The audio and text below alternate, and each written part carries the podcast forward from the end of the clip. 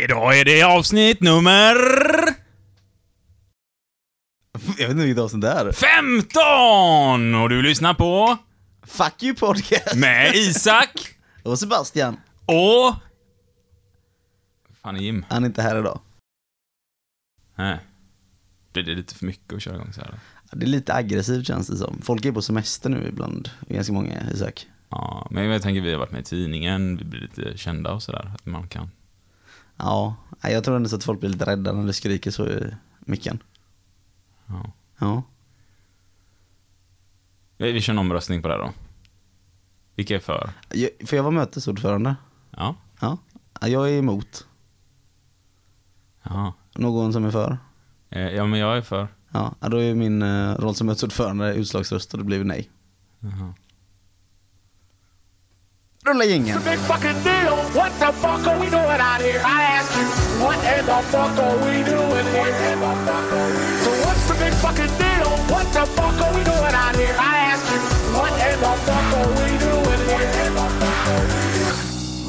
Dagens avsnitt kommer att bli lite eh, ja, gott blandat. För idag har vi inte tänkt att vi ska gå igenom någon specifik lag, ingen specifik händelse, vi har ingen intervju gäst här, ingenting sånt. Utan idag har vi tänkt att vi ska gå igenom en mängd nyheter Ja. som vi har haft liggande. Så vi tänker att det här måste vi ta upp på folk som har mejlat in lite nyheter till podden som de tycker att vi ska ta upp och diskutera. Men vi kan väl börja, vad har hänt för dig? Jag har varit iväg med dig på planeringskonferens den här veckan. Just det. Ja, det har jag gjort. Sen så eh, har man egentligen bara försökt överleva värmen. Om man säger så. Det har jag gjort. Och du då? Nej, men jag har ju varit på planeringskonferens med dig. Det har du. Ja, det har jag. eh, och det var ju våran avdelningsstyrelse. Vi hade lite budgetmöten och eh, ja, helt enkelt titta på och utveckla den fackliga verksamheten i våran avdelning och Mm. vad vi ska hitta på. Lite målsättning och sådär för hur vi ska nå ut till alla medlemmar och löneförhandlingar och lite allt möjligt. Så, och då kom vi på den här idén att ganska många har ju inte stenkoll på vad alla avdelningar gör om, runt omkring i landet. Så vi gjorde som så att vi skrev faktiskt upp de flesta saker vi håller på med utöver det traditionella fackliga arbetet eh, som man gör på arbetsplatserna. Och förhandlar och sånt som kanske ombudsmännen gör som jobbar på avdelningen och så, eller regionen. Ja, men precis allt där runt omkring. Så det tänkte vi att vi ska prata om i slutet av dagens avsnitt. Eh, Gå igenom de här grejerna och eh, det hade varit skitkul sen om ni som lyssnar vill skicka in till podden sånt som vi har missat, som inte vi gör. Som ni kanske gör i ert fackförbund. Precis. kanske helt andra grejer. Och så tar vi upp det i ett avsnitt lite längre fram, kanske om två, tre avsnitt. Det hade väl varit eh, fantastiskt. Ja. Och nu skriver min granne här till oss. Eh, han ska gå ner till båten om en stund här och försöka få igång den. För den har jag sagt att jag ska försöka låna lite senare då och ge mig ut på sjön här med min lilla pojk. Som ni hör att det är någon som står och kallstartar en motor här utanför. Ja, det är en elmotor så det lär inte höras. Oj, oj, oj. Ja, ja men vad bra. Ja, då tänkte jag vi ska börja med eh, den eh, första nyheten. Mm. Vad har du hittat för nyhet då? Ja, men det är det att Facebook hjälper företag att bli eh, antifackliga. Mm. Och det var Arbetet som skrev om detta. Och det handlar om att Facebook anklagas för att försöka kväsa facklig organisering med hjälp av ett verktyg som riktar sig till förut. Alltså en ny eh, funktion som gör att man kan svartlista fackliga uttryck. Har du läst den här artikeln? Ja, precis. Och det, man blir ju vansinnig när man ser detta och... Ja, Ja, men lite kort så är det att eh, Facebook har ju då eh, gjort en uppdatering av sin, eh, sitt verktyg Facebook Workplace då. Som gjorde att man kan stoppa diskussioner om facklig organisering. Så man reklam- alltså, gick ut med och sa att nu kan du stoppa facklig organisering genom att blockera de orden då som kanske hjälper typ som unionizing exempelvis. Det kan man ta bort det eller få de kommentarerna att de, de uppdagas till företaget. ord som kontaktombud, skyddsombud på olika språk. Ja, så kan företaget lägga in så att när de ser att någon anställd skriver om detta så plupp, får de en notis om det. Och de kan dessutom göra så att det tas bort. Ja, ja, precis. Det går inte ens att skriva den. Och idag använder ganska många stora arbetsgivare Facebook Workplace till många olika arbeten. Exempelvis Walmart som har 2,2 miljoner anställda. De är ganska kända för sitt eh, starka motstånd mot fackföreningar, i alla fall i USA. Starbucks, Discover Communications, även regeringen i Singapore är också andra arbetsgivare som använder det. Och här har jag då fått eh, ETUC då, alltså European Trade eh, Union. Europafacket som vi kallar det med andra ord istället. eh, har reagerat på uppgifter om att Facebook gör reklam för ett verktyg då som till viss del verkar för att stoppa eh, fackföreningarnas rätt att organisera sig. Och det här är ju då att man har eh, skickat ett brev till både EU faktiskt och Facebook. Där man kräver att företaget stoppar den här organisationen då, som kan hota eh, facklig organisering. Jag tror European Trade Union Confederation tror jag det står för. Ja, jo, det är mycket lättare när man har Google framför sig. Och jag vet ju faktiskt att det heter så. Jag har ju faktiskt varit där. Så det var en miss på mig. Mm. Finns det Eh, andra sökmotorer? det, finns, det finns andra sökmotorer. I det här fallet har vi använt Google. Men det finns inga andra starka europeiska konfederationer inom facket. Det gör det. Ja. Ganska många. Alltså det är ju en samling utav massa det. Nej, det tycker jag inte. Eh, vi är mänskliga. Du är ju på semester idag Isak. Jag är jättesemester. Det här är ju första dagen på semestern egentligen. Nej, måndag egentligen. Fast Ja. så ska jag jobba över på måndag. Ja, tekniskt är det ju- Men jag skulle egentligen gått på semester igår. Han är inte riktigt färdigt med allt. eh. Eller det hände nya grejer, rättare sagt. Som ett par förhandlingsframställningar som vi behöver skicka in. Mm. Innan vi går på semester. Och det, man egentligen har gått ut då från ETUX håll, alltså Euro- Europafacket, det är att det är förbjudet enligt internationell lag och enligt Europas standard också då att eh, försvåra facklig organisering. Och då anser man att Facebook möjliggör det här verktyget det kan användas för att egentligen motverka demokrati i samhället. Och Facebook själva svarar ju att det var ett olyckligt exempel de hade råkat använda sig av när de lanserade den här produkten. Mm. Mycket låter så. Mm. Det är det ganska specifikt olyckligt exempel eh, när man ska liksom motivera varför är en produkt så bra. Oj, vad, vad skulle det kunna vara? Ehm, jo, ja men exempelvis att vi kan hindra alla fackliga från att engagera sig. Bara så här på rak arm. Och sen, nej, det var ju ett olyckligt exempel vi kom på där. Ingenting, bara vi kan samordna möten snabbare och lättare. Vi kan eh, få ut information till alla dina anställda. Ja. Du kan motverka facklig organisering. Mm. ja, det är ju inte första gången som Facebook är i blåsvädret. Ja. Och det är ganska intressant är att de eh, nyheten om att Facebook jobbar med det här liksom, eh, som gör det möjligt att blockera konversationer, kommer också samtidigt som de då försvarar tvivelaktiga inlägg från Donald Trump, att de får ligga kvar på sajten, att det kan man inte bara ta bort. Så att, ja, det är ganska annorlunda. Och det här är någonting man får tänka på liksom, alltså med de här gratistjänsterna som vi använder när företaget tar in dem. Alltså, det är någonting som ni som förtroendevalda kan granska när de ska byta system och sådana saker på företaget. Vad har ni för så det här får vara med i riskanalys exempelvis. Hur kommer den informationen sparas? Hur kan den användas? Så det var ju som på ett företag jag jobbade innan som var ganska multinationellt, det fanns över flera länder över hela världen. Så berättade en tjänsteman då som var inhyrd hos oss att han hade tillgång till den, det var en sån företagsserver då som man använde över hela världen. Eh, där alla anställda hade sin egna liksom eh, eh, mapp eller vad man ska kalla det i den här servern. Och då hade ju den administrerat hela servern ifrån ett annat land. Och då hade man gått in där för han hade lagt ner sitt kollektivavtal. Och så hade han, gick han in där typ en vecka senare, så var kollektivavtalet borta ifrån hans server. Och då hade man tagit det beslutet från ett annat land att den ska inte alls få finnas kvar där. Det är ju helt otroligt. Alltså. Ja. Och då tänker man, det här är ju Sverige liksom. Där Det är någonting man har skrivit under att man ska följa. Mm. Och ska man inte ens stå för att det ligger en server. Ja, ja, precis. Och det är, de kanske tyckte att det inte hade någonting med jobbet att göra. Det är väldigt intressant att man så formulerar sig på det sättet, som en arbetsgivare. Tänker vi ta nästa nyhet. Ja, och det är också från Arbetet, deras Global. Och alltså det här är också sådär man liksom, man mår ju illa när man läser det. Och det här är inte första sån här eh, artikeln, eh, vi kommer ta upp några fler idag. Så vi går in på den lite kortfattat, men det är alltså en, en chef som sköt två stycken anställda i en eh, gruva i Zimbabwe. Och det är ett kinesiskt ägt företag som driver den här gruvan då, ja, Zimbabwes ekonomi är ju fruktansvärt dålig och man har sålt ut väldigt stora delar av Ja. landet. Och eh, ja, det är ändå en film som har gått runt här där eh, ja, en eh, chef för den här gruvan går ut med sträckt höjd arm med en pistol och skjuter mot gruvarbetarna på väldigt nära håll. Träffar den ena vid hakan och den andra i benet. Och den ena vårdas på sjukhus, den andra fick klara sig, men han som blev skjuten jämte hakan fick ett litet skrapsår bara, medan den andra ligger och vårdas på sjukhus just nu. Att han knappt lever liksom. Ja.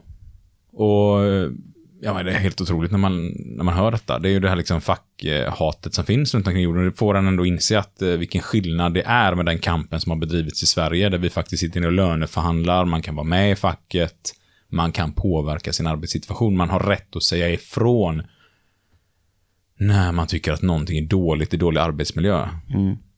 Och där var egentligen en lönekonflikt som, så att säga, där man, där man skjuter då. Ehm, men nu har faktiskt chefen misstänkt för mordförsök och det här företaget har ändå så eh, satt beslutet att de ska betala för eh, sjukhusräkningen för den här personen och erbjuda kompensation. Sen vet man ju inte vad det är. Och det är ju inte heller rätt för det överhuvudtaget. Men det är ändå så bra att de på något sätt agerar, i alla fall företaget ifrån där. Men, och det är ju också så här att det är klart att de gör det nu när detta går ut i media. Men man kan ju fråga sig att ens ha anställt en chef som kan tänka sig göra något sånt här, då har man ett problem med organisationen känns det som. Ja. ja, det här är en horribel incident och det är ju samma sak här. Här får vi också gå in liksom och försöka påverka och kanske skriva till eh, ZCTU egentligen då. Att man står på er liksom den här frågan. Vi backar er. Ja, och någonstans är det så att vi konkurrerar ju på en internationell marknad, så att vi förlorar ju något så fruktansvärt på att det är dåliga villkor i alla länder runt omkring i världen.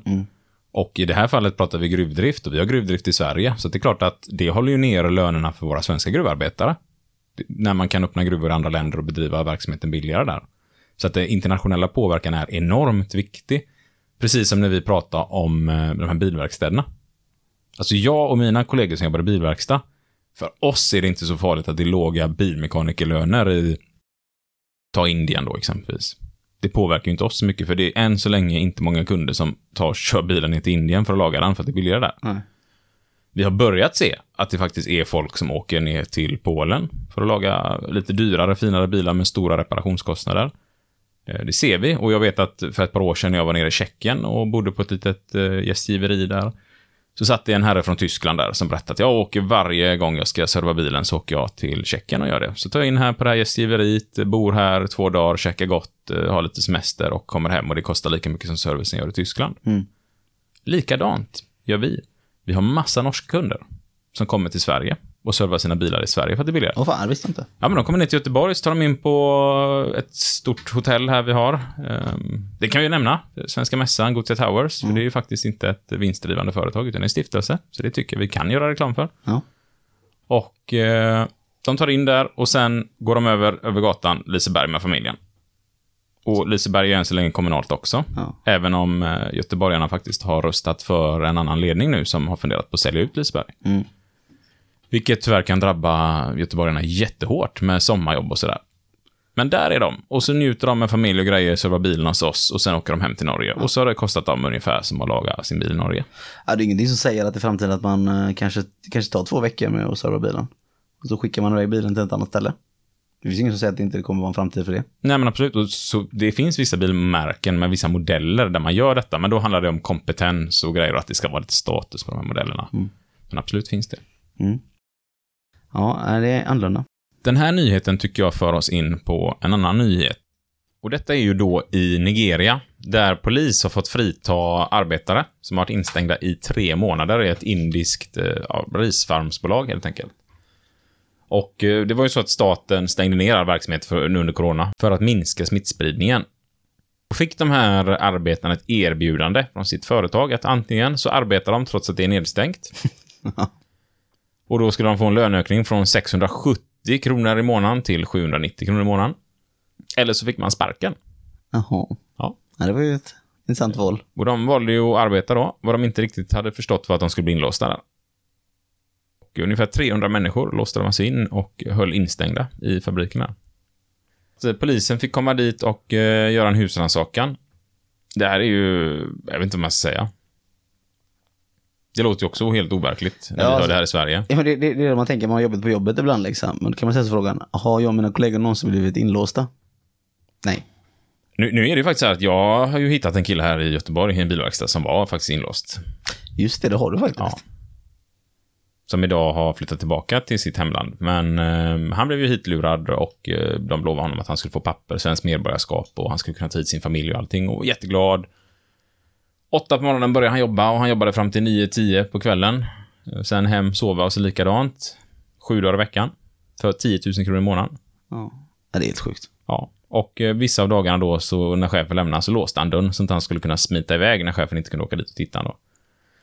Och det var ju så vi eh, mötte honom, för att eh, han hade ju då träffat en kompis till mig på en av de här föreningarna som vi pratade om i början. Mm, förra avsnittet. Ja, förra, i början, i förra avsnittet. eh, och eh, via den vägen då så fick de kontakt. Så en dag var, satt vi ute, det var väl en sån här härlig sommardag som idag. Och vi satt ute och solade, fick han ett samtal. Kan du snälla komma hit och köpa lite lunch och ett paket cigaretter och kasta in?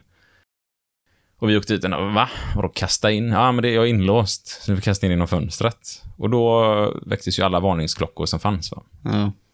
Så att eh, vi tog ju honom ifrån det företaget och fixade jobb på ett riktigt ställe till honom där han fick eh, arbetstillstånd och allting och de kunde börja ansöka och sådär.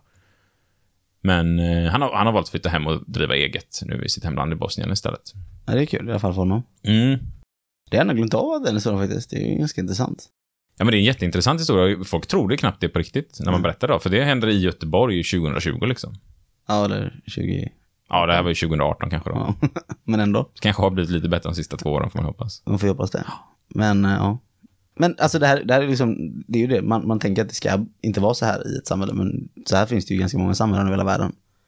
Det här är ingen unik historia. Nej, men det är det absolut inte. Det här är absolut inte unikt. Det här är bara den senaste liksom, tragedin som upp, upprepas liksom, egentligen. Ja, och, och någonstans går det ju åt det här hållet. Alltså, vi diskuterar nu den här LAS-utredningen som pågår, där, eh, om det går igenom, kommer väldigt mycket rättigheter försvinna från fackförbunden, Mm. vilket kommer leda till att vi blir mer och mer ja, i arbetsgivarens händer, att de kommer kunna styra väldigt mycket mer. Och, Jobba under corona eller få sparken. Ja, men exakt. Det kommer hända. Och då är vi nära detta. Ja. Eh, och det, finns ju säkert någon som skulle dra det till den gränsen då att nah, men om vi ska ha nedstängning i samhället, då får ni bo här på företaget. Ja. Alltså det är inte riktigt att jag misstror liksom, de stora företagen att de sköter LAS på ett ganska negativt sätt. Det är mer de mindre arbetsplatserna liksom, som man kanske bara kommer diskvalificera i alla fall för att de ändå så inte följer någonting annat. Det är där det kommer vara svårt att driva de här frågorna. För att inte, jag misstänker ju att typ inte Volvo kommer säga till sina anställda jobba under corona eller få sparken. Men jag kan lätt tänka mig att den verkstaden Alla du de hittar... bemanningsanställda på Volvo. Ja, exakt. Men, som är alltså, en väldigt stor del. men, de, och men, även den, konsulterna för ingenjörer. men den verkstaden som du besökte liksom, de kommer ju garanterat säga bo här i verkstaden eller få sparken. Mm. Ja, Gå men till- så är det ju. Gå absolut. till facket eh, och så får du sparken. Det finns ju ganska mycket sådana saker som de konsekvenserna måste man också ha med sig i åtanke. Det spelar ingen roll mycket egentligen.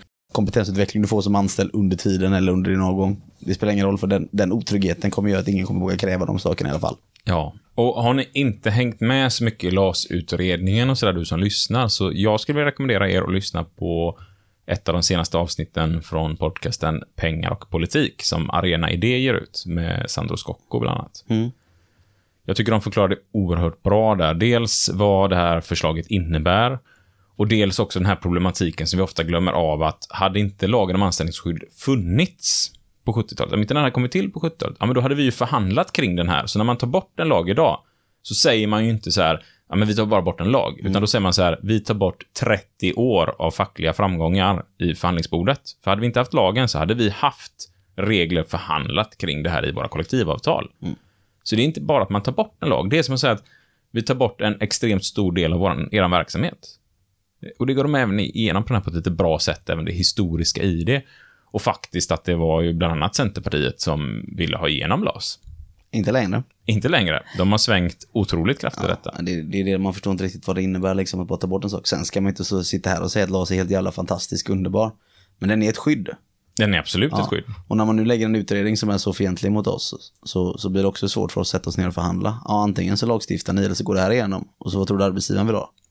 Ja, och de nya undantagsreglerna nu som man diskuterar i LAS, den gör ju det faktiskt möjligt att utnyttja detta fyra gånger om året. Det vill säga att du kan varsla vid fyra tillfällen och ta olika undantag varje gång, vilket gör att du kan fyrdubbla antalet undantag du har. Ja, nej men alltså jag, jag, bruk- alltså, jag, jag säger ändå så här, det, bara för att liksom på något sätt runda av hela den här LAS-diskussionen. Det sägs att det är så jävla svårt att säga upp folk i Sverige. Det är det inte. Det är något av det lättaste du kan göra i Sverige.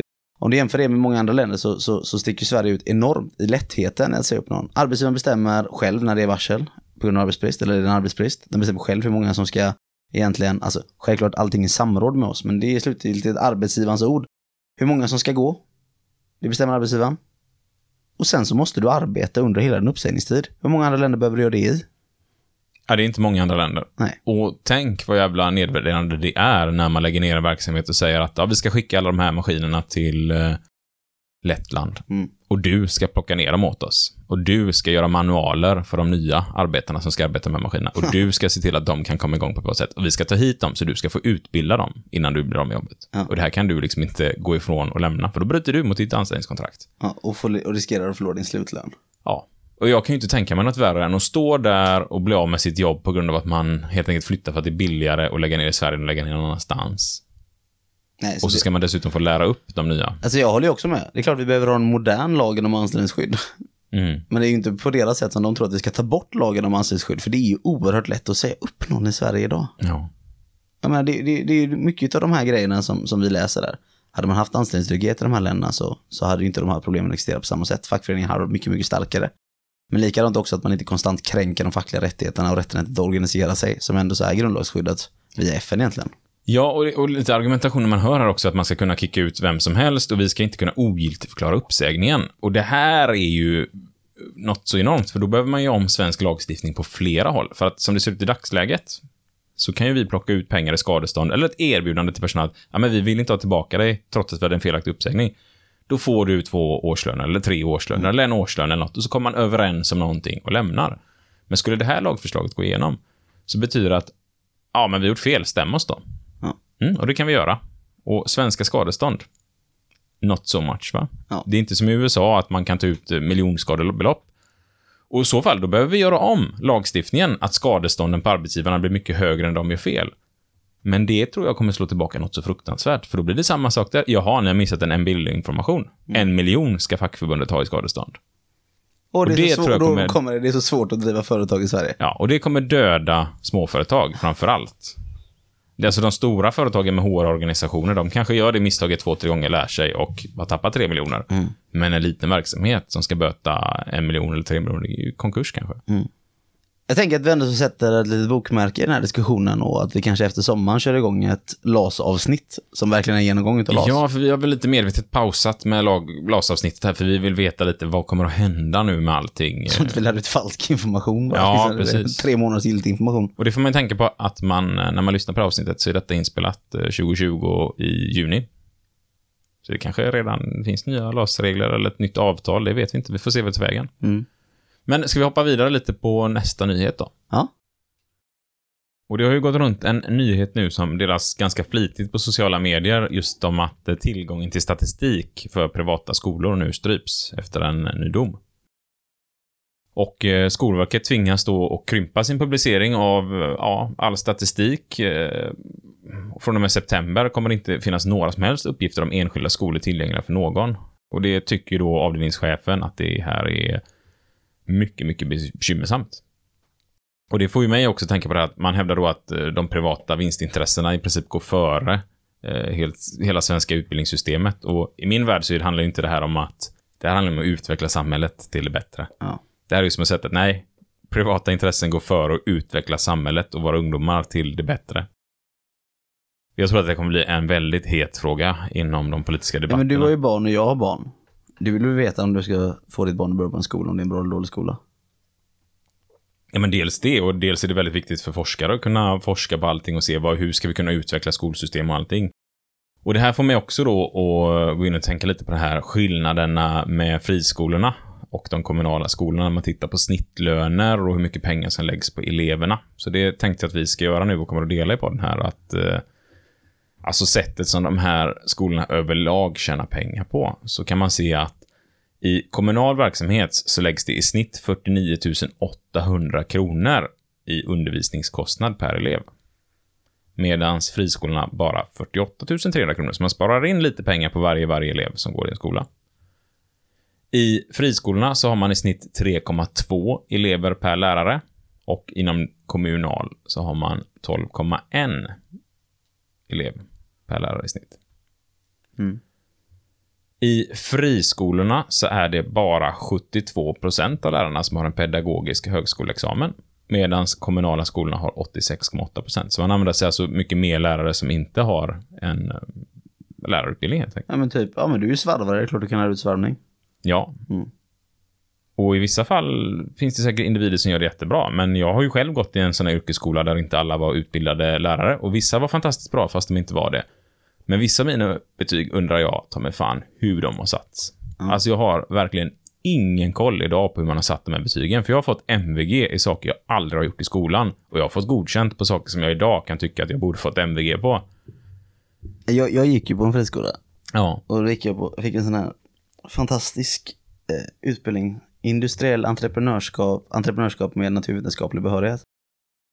Och den personen skulle utbilda oss i entreprenörskap hade egentligen sökt ett annat jobb på den skolan som datakunskapslärare. Och då sa de, nej tyvärr, vi har redan eh, hittat en person till det, men du kan få bli entreprenörskapsläraren. Och det enda hon hade gjort i entreprenöriell väg, eller vad man ska säga, eh, var att hon hade ett företag där hon gjorde smycken och sålde på nätet. Alltså med, eh, ja du vet, typ sådana fuck cancer-armband liksom. Mm. Inte fuck cancer, men något liknande liksom. Det var allt hon hade, hon hade ingen kunskap, hon, hon sa till och med och sa det, jag har egentligen ingen kunskap om de här ämnena. Så i fem veckor, det här är, det här är sjukt, eller om det var sex veckor till och med kanske, så fick jag gå upp och hålla i utbildningarna på alla lektioner vi hade med henne. Det är helt stört. Och vad, vad, vilken kompetens då hade du då?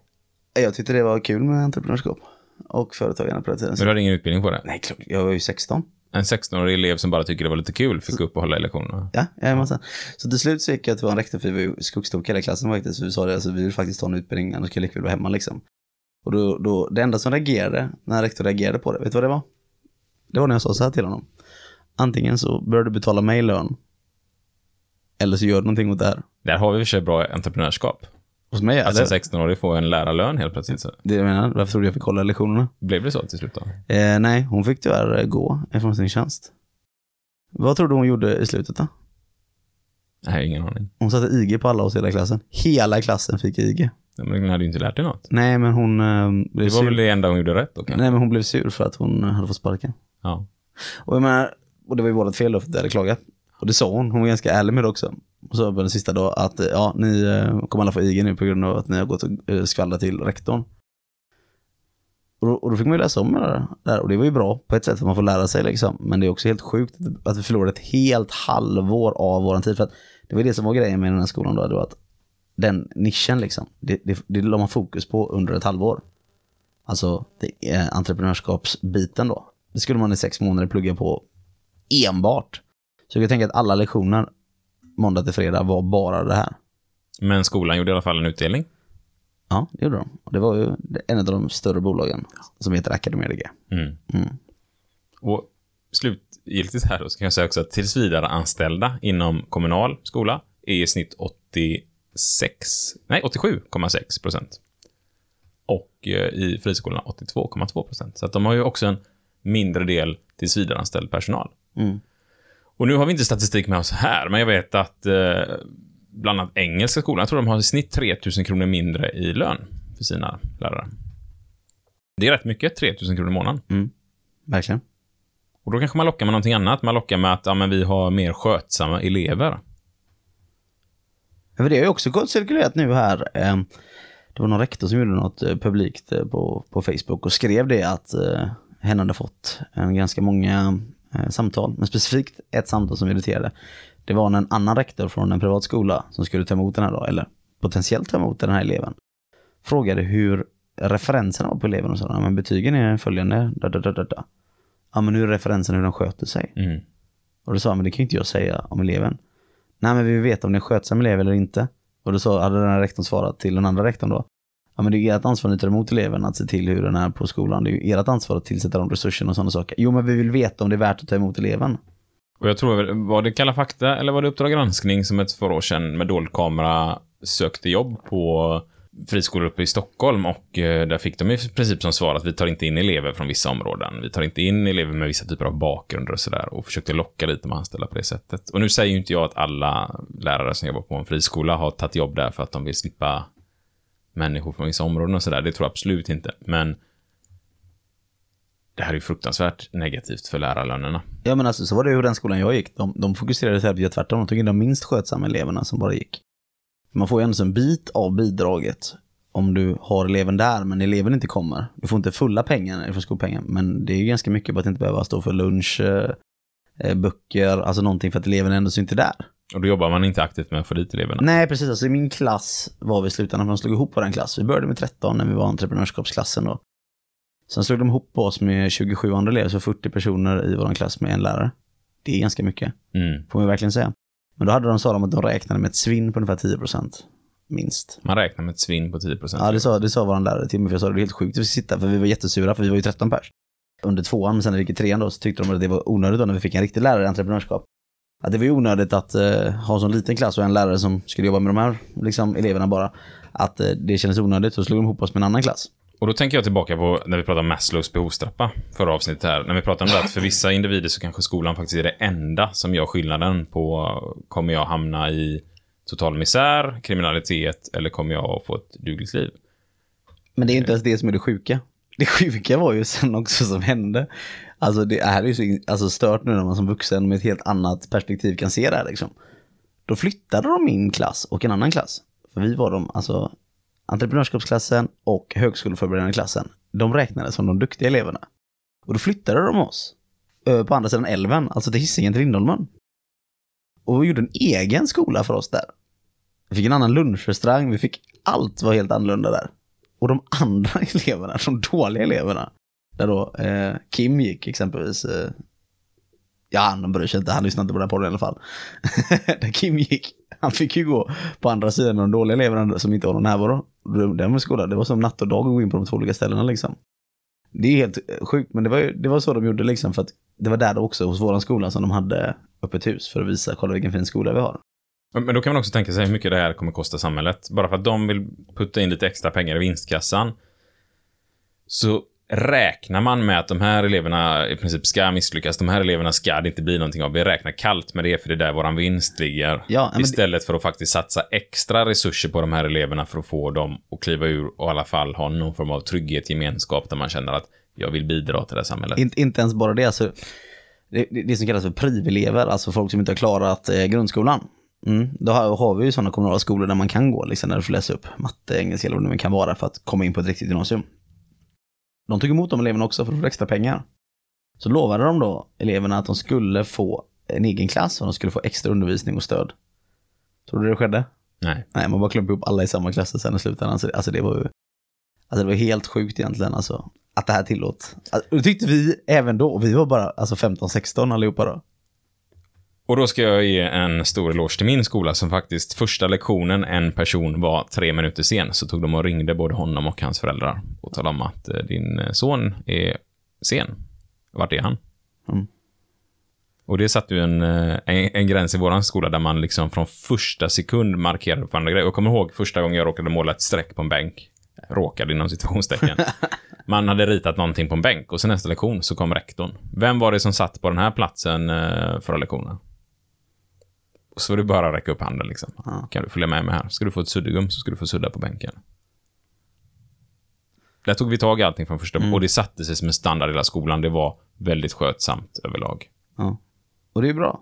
Men du gick ju på kommunal skola också. Ja, de, dels kommunalt och dels privatägd. Den är 50-50 faktiskt. Mm. Men det är ju- Eh, Men det är en branschskola. Precis. Och det handlar om att de vill ju få ut arbetskraften. Ja. Ja. Och det är ju det som är liksom det intressanta för dem. Att de vill få ut kompetenta bilmekaniker, plåtslagare, lackerare. Min skola fanns ju inget det. Det enda syftet som i den skolan var ju att de vill tjäna pengar, att de har fri Ja. etableringsrätt. Att starta den här skolan trots att behovet inte kanske finns av att utbilda frisörer, hittar jag på. Alltså förstår du vad jag menar? Jag tycker vi ska bjuda in eh, någon lärare i framtiden som kan prata om den här fackliga kampen för lärarna. För Ja. det tycker jag är jätteintressant. Och ofta hör vi debatter i politiken om vad man behöver göra för att få skolan på fötterna igen. Men eh, ganska sällan pratar man med de som faktiskt jobbar inom branschen. Ja. Så att, eh, ja, det kan vi väl se fram emot ordentligt. Ja, men man märker det. För jag har en kompis som, han var ju professor i fysik, alltså doktor i fysik och jobbade på universitet eh, och jobbat i Nordkorea, eller Nordkorea, han byggde, han byggde bomber, när jag ska, han jobbade i Sydkorea, han jobbade i Tyskland, han jobbade på Chalmers. Så pluggade han om sig för han ville bli liksom, han ville nu till elever på en annan nivå liksom. Och, och, då, och då berättade han ju att han pluggade om till att bli gymnasielärare istället i matematik och fysik. Började med privat skola. Men han sa att klasserna var så stora så att han fick efter sex månader gå ner i arbetstid för att han orkade inte med det arbetet. Trots att han på universitetet, där hade han ju kanske 200 elever. Mm. Men i en gymnasieskola med 40 elever, där inte den här liksom kanske studiemotivationen och den här, alltså det finns en annan typ av, eh, när man är i den åldern så utsätts man ganska mycket. Man ändras i sin kropp, man ändras mycket. i sig, alltså det är mycket hormoner och allting. Man vet inte riktigt vem man är kanske på samma sätt och så. Så att han tyckte det var så pass jobbigt att han valde att eh, gå ner i tid. Och nu har han bestämt sig för att plugga något helt annat istället. Och sluta som lärare. För att han kände att det inte gick. Lärarförbundet lite längre fram. Absolut. tycker jag vi ska satsa på. Nu tänkte jag att vi hoppar vidare och så ska vi diskutera det här fackliga verksamheten som händer i alla fall på våran avdelning. Och så kör vi en liten jingel och så drar vi igång med det. Men återigen, viktigt här är att om vi missar någonting, att ni hör av er till oss och säger, men vår avdelning gör det här. Det tycker jag verkligen. Så vi kan vi lyfta utveckla. goda exempel. Vi diskuterade lite här innan här nu, hur, hur ska vi berätta om den här verksamheten just eftersom det kan skilja sig så enormt mycket mellan, bara inom vårat fackförbund runt omkring i landet och andra förbund lite så här. Så vissa grejer vi kommer ta upp nu kommer säkert vara lite väl specifika, men det här är mer ett syfte för att man ska förstå vad kan man syssla med eller vad gör fackförbunden rent allmänt. Precis, det här kan ju heta någonting annat i ditt fackförbund. Men Absolut. jobbar antagligen med samma frågor. Så här har vi valt att organisera oss kan man väl säga i IF Metall Göteborg där vi tillhör då Ja. i, till vardags. Precis. Och första kommittén som vi tänkte gå igenom då, och det här är ju kommittéer då som sitter på avdelningen, som är utsatta antingen av avdelningsstyrelse eller av repskapen. Och det pratade vi om här i, vad kan det varit, avsnitt eh, 11? Det har du ingen aning om när vi pratar om. Ett par avsnitt sen, tänker jag Ja, att det var. Tror mycket väl att det kan ha varit avsnitt 11, eller? det vet jag inte. Det kan ha varit 9, 10? Jag visste inte ens vilket avsnitt det här var när vi började. Så att, Nej, 15 tror jag. ja. Du Du sa Där omkring. Ja, En- siffra, säg en siffra mellan 1 och 15. någonstans där är det. Någonstans där är det. Trolleri. Det är jag och Jola Arbero. Första kommittén jag tänkte vi ska gå in på, det är i alla fall våran eh, miljökommitté. Eller arbetsmiljökommitté. Innan vi börjar, bara viktigt att säga kanske är att de här kommittéerna sitter förtroendevalda från olika arbetsplatser i. Ja, absolut. Som anställda någon annanstans. De är inte anställda av eh, IF Metall i det här fallet, utan Nej, och ibland sitter det kanske med någon som är anställd på avdelningen som ska se till bara att eh, Administrera. anteckna, administrera för de här olika kommittéerna då. Men de här ska ju drivas och skötas av de förtroendevalda. Det var just det vi pratade om, att det, det är ju inte så många ombudsmän, som vi har i alla fall, utan det arbetet ligger ju på oss förtroendevalda och det är så vill ju vi att det ska vara. Mm. Arbetsmiljökommittén i alla fall, de är ju, sk- skulle man kunna säga, lite halvansvariga för att skyddsronder ska se, ske runt omkring. Och det gör de med hjälp av regionverksamheten som vi har att kalla den, som vi kommer komma in på lite senare här. Så att i övrigt då, så alla skyddsombud ska de kompetensförsörja, kompetensutveckla, se till liksom att de regionala skyddsombuden har pejl på vad de gör. Men de jobbar också stort med nyheter, samverkan med myndigheter för att ta in vad händer det? Vad händer inom skyddsverksamheten? Vad är det för ny, ny forskning som kommer fram? Hur kan vi jobba med det? Hur får vi ut den informationen till våra skyddsombud ute i verksamheten? Mm. Så de tar ju fram massa nya utbildningar och de ser också vad finns det för behov av utbildningar just nu och så kör man utbildningar på detta ämnet. Och jag vet också att de påverkar politiker väldigt, väldigt mycket. Och några av de som sitter med här är med i forskningsprojekt och lite allt möjligt och man försöker engagera sig i allt som har med arbetsmiljö att göra. Också en ganska stor förbundssamverkan med det vi kallar arbetslivsenheten hos oss. Och det är ju de här människorna som jobbar i vårt förbund uppe i Stockholm med samma frågor som ja, miljökommittén här i Göteborg. Men det ska liksom vara en anknytning däremellan, där man sprider information fram och tillbaka och ja, Ja, utvecklar. det, det vi har sett är att vi vill ha en extra post, liksom, eller eh, en extra plats att kunna jobba med frågor ut till arbetsplatsen så att inte det kommer från förbundet och som ska gå ut liksom, till våra medlemmar och förtroendevalda på arbetsplatserna. Mm. Och man kan säga att ett syfte med det här också är att eh, man faktiskt hjälper företag att göra riskbedömningar runt omkring, Mm. ihop med regionsverksamheten då. Att de här mindre företagen som inte har någon stor skyddsverksamhet, men de får faktiskt stöd och hjälp och det är jättemånga småföretag som uppskattar detta otroligt mycket. Och jag vet att jättemånga av de här småföretagen, de blev jättebesvikna nu när de nya reglerna för regionala skyddsombud inte gick igenom i riksdagen. För man ville att det ska finnas ännu mer resurser för detta, för man tycker att det är sån oerhörd kompetens man kan ta in från fackförbunden. För att vi sätter ju otroligt sällan böter om någonting är fel i arbetsmiljön, utan vi säger att det här får ni fixa till nu. Mm. Och så får man en chans att göra det. Kommer Arbetsmiljöverket så är det ju en bot kopplat till många saker. Mm. Så att, Lite.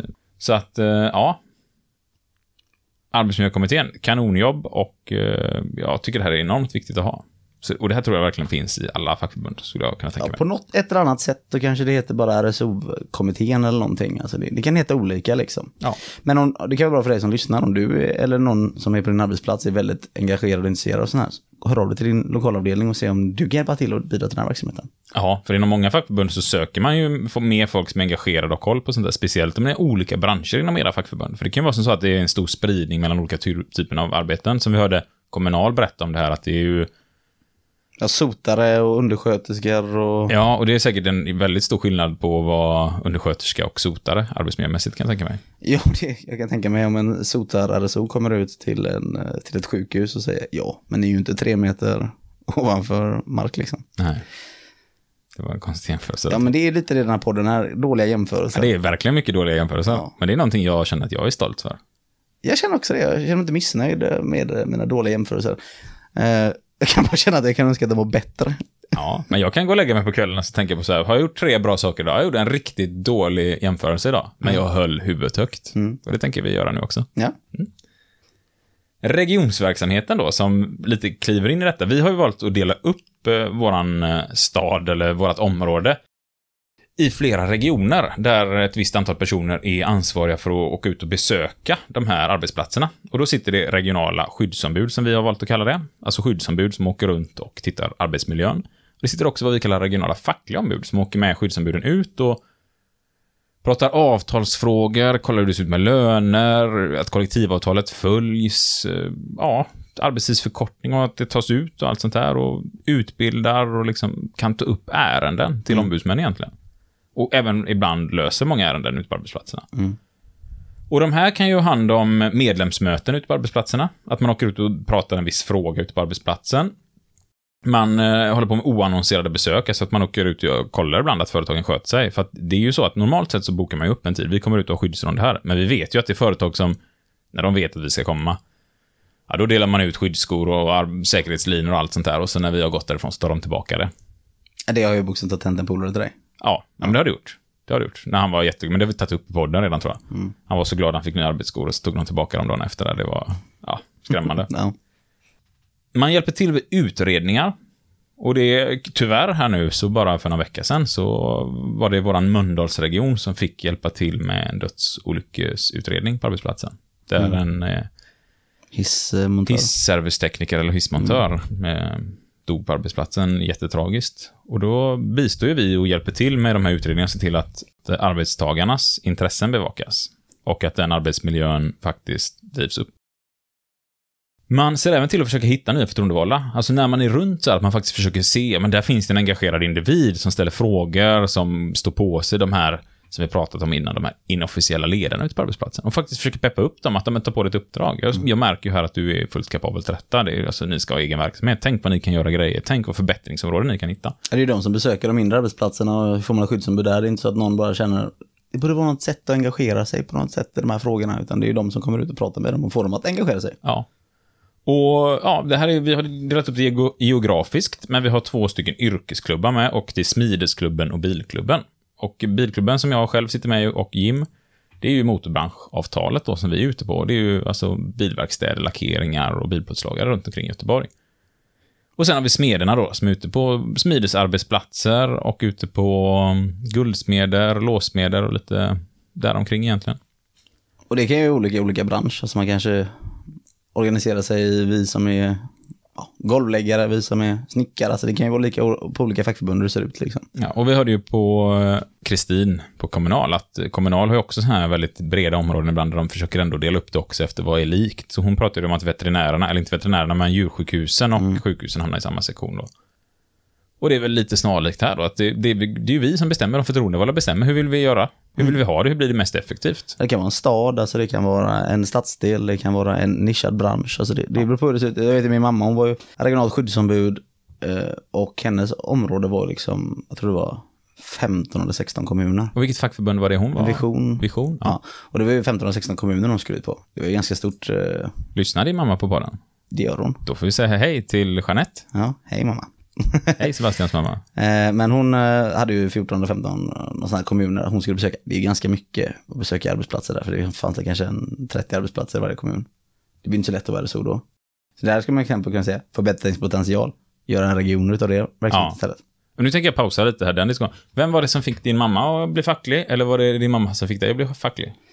Min mamma fick mig att gå med i facket. Jag Ja. fick min mamma att bli förtroendevald.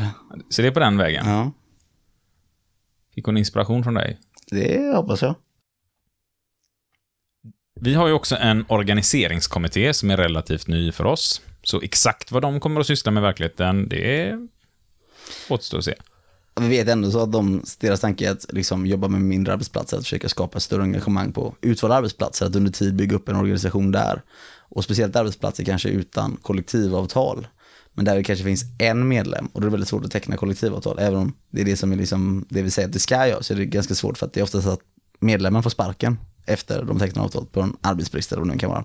Så det är att bygga upp en stor verksamhet där att vi har folk som är med i facket. När typ 30-40% är med i facket så blir det inte lika lätt för arbetsgivaren att säga upp sin personal. Mm. Men de håller även på med lite projekt som du har suttit med och ringt upp eh, medlemmar som kanske inte har betalat in medlemsavgiften och lite sådär, att man stämmer av vad det är som har hänt och Precis. räddar många som kanske inte ens har märkt att de har missat att betala in det, för man har varit sjukskriven, arbetsgivaren betalar inte längre in medlemsavgiften, och så märker man inte att man får en faktura hem, så- eller till hos Kivra eller till något sånt här Hos ställe. oss betalar ju arbetsgivaren in på de Ja. arbetsplatser vi har uppbördsavtal Och det kan ju variera mellan olika fackförbund också. Men så ser det ut för många av våra medlemmar. Så när våra medlemmar blir sjukskrivna så riskerar de uteslutning om inte har betalat in sina räkningar, för de tror att det ska dras på lönen.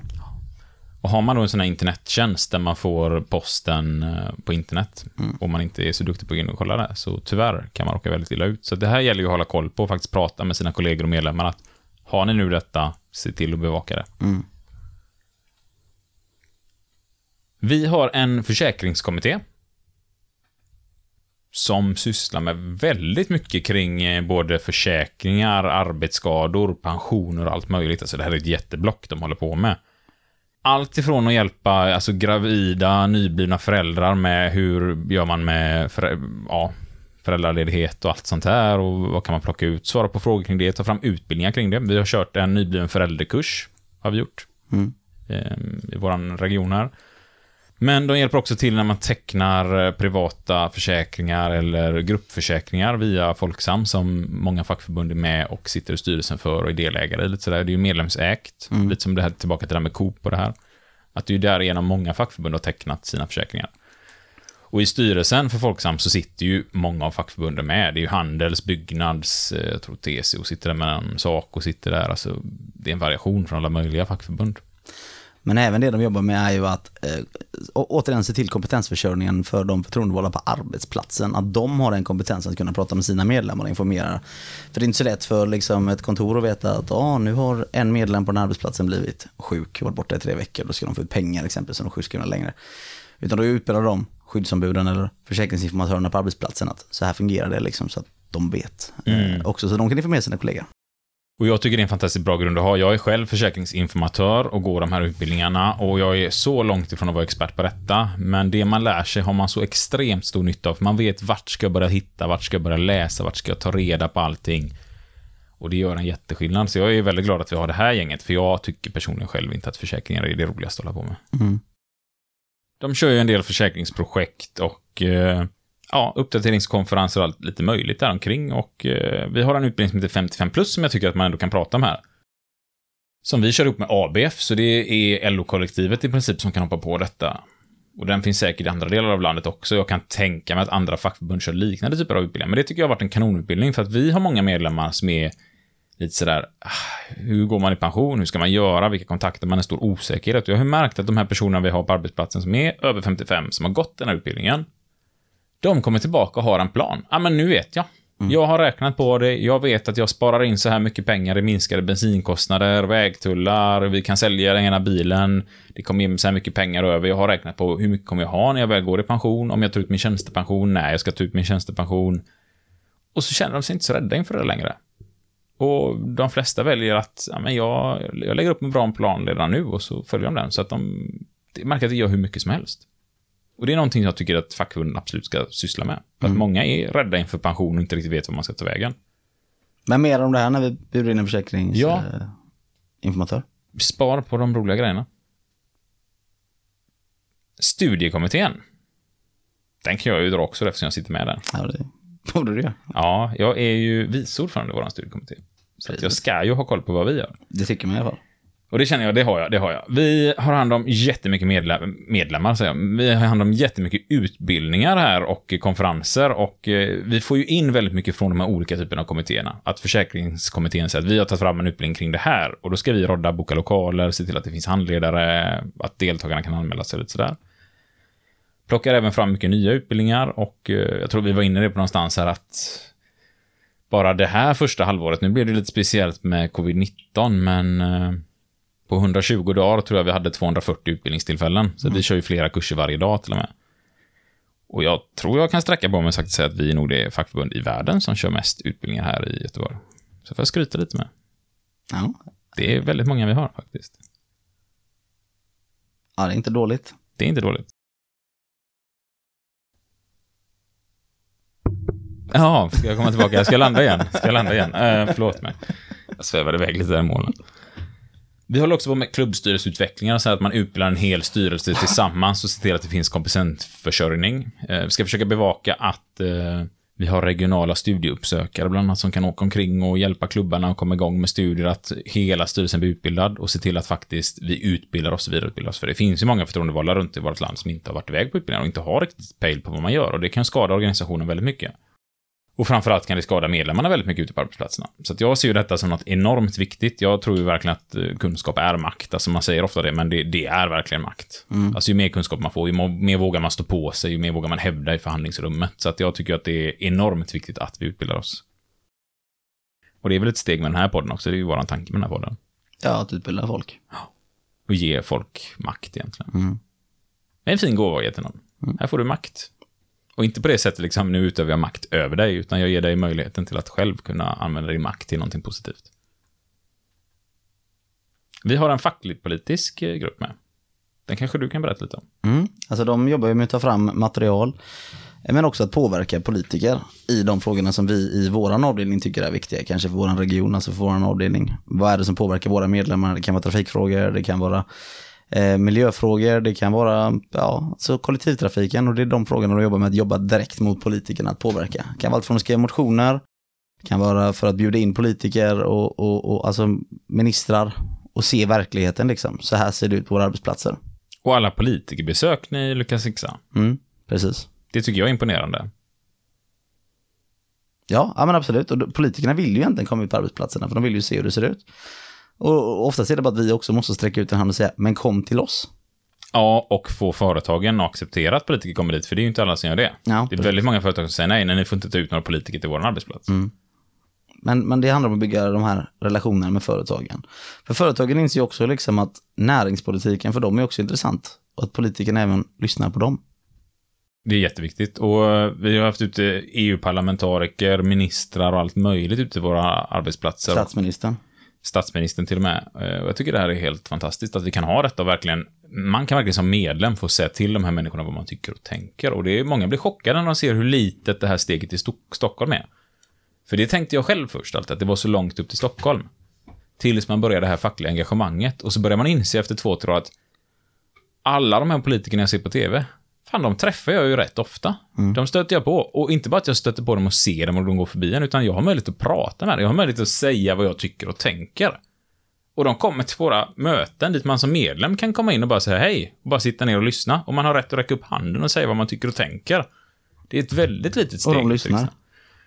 Ja, och vi har till och med medlemmar ute på arbetsplatser som har sagt ja, de politikerna i Stockholm, de bryr sig inte om oss, eller de ser inte oss. Och så, här. så säger man, men inte skriver motion. Och så skriver de motion, den lämnas in. Någon månad senare är den uppe i riksdagen. Det är så jävla litet det här steget om vi bara tar vara på det. En intressant grej dock med det här med när företagen nekar, det är väl det när, jag vet inte när det var, men det var Palme i alla fall som blev nekad och kom in på en väldigt stor arbetsplats här i Göteborg. Och så går det en liten, eh, litet vattendrag utanför här. Och då satte de Palme i en eh, roddbåt med en megafon utanför och så bjöd de in media då, att här nekades Palme komma in. Ja. Sen fick politiker alltid komma in på den arbetsplatsen efter det. Är det en större industri eller? Det är det. Mhm. Den, då vet jag vad du pratar om för vattendrag. Där har jag själv paddlat kajak många gånger upp och ner. Jättefint. Säveån heter den. Mm, men inte haft en megafon. Inte haft en megafon, men det kan jag Än. ta med mig nästa Ja. gång, så kan jag hålla lite medlemsutbildning. Hålla lite låda så att säga. Ja. Mm. Vi har pensionärsverksamheten också. Mm. Som jag inte kan så mycket om. Nej, alltså det är ju... Jag ser att de kommer med sina ägg ibland. Och sen ägg? Ja, har du inte sett det? Nej. Får Ibland när man har utbildning så kommer det massa pensionärer och de har en jäkla massa ägg med sig. Jaha. Det måste vara hundratals ägg. Därför du- är det såna äggtjuvar? eller? Nej, nej, nej, de har ett PRO-möte och så jag, jag misstänker att det är så här att några av dem har lite höns. Ja. Och så tar de med sig äggen och så delar de ut, alltså bara så. Och det är ju pensionärsverksamheten. Har vi någon annan kommentar Isak? Nej, jag skojar bara. Nej, men alltså pensionärsverksamheten, det är ju PRO-verksamheten. Det, är- det är att man ska sysselsätta sig när man går i pension. Alltså det finns ganska mycket förtroendevalda och så mycket erfarenheter, men även medlemmar. Och man diskuterar, man gör roliga saker. Det kan vara middagar, det kan vara att man åker Stenabåten tillsammans, som man åker här i Göteborg då. Mm. Eh, bor man i Stockholm Det finns andra båtar man kan åka. åker man Silja Line eller någonting. jag har ingen aning. Eh, ja, lite sådana. De hittar aktiviteter, kurser som man tar ihop. Träffas en gång kvartalet tror jag Och många av dem engagerar sig enormt mycket i andra grejer i samhället också. Så det är ju inte en sån här att det är inte bara att de går dit och har trevligt och fika med varandra, utan jag vet att de går dit och så Jaha, är du med i den föreningen? Vad roligt. Ja, men häng du med och hjälp till. Och så är man runt och hjälper till med ungdomsorganisationer, politiska organisationer, alltså de hjälper till med lite allt möjligt i samhället som faktiskt gör jättenytta. Jag tycker det är jättekul att se de här pensionärerna och det är ju, det som är så roligt att se är ju att det är någon som är 95 år och knappt kan gå. Och så är det någon som gick i pension förra året som ser ut att vara 49 liksom.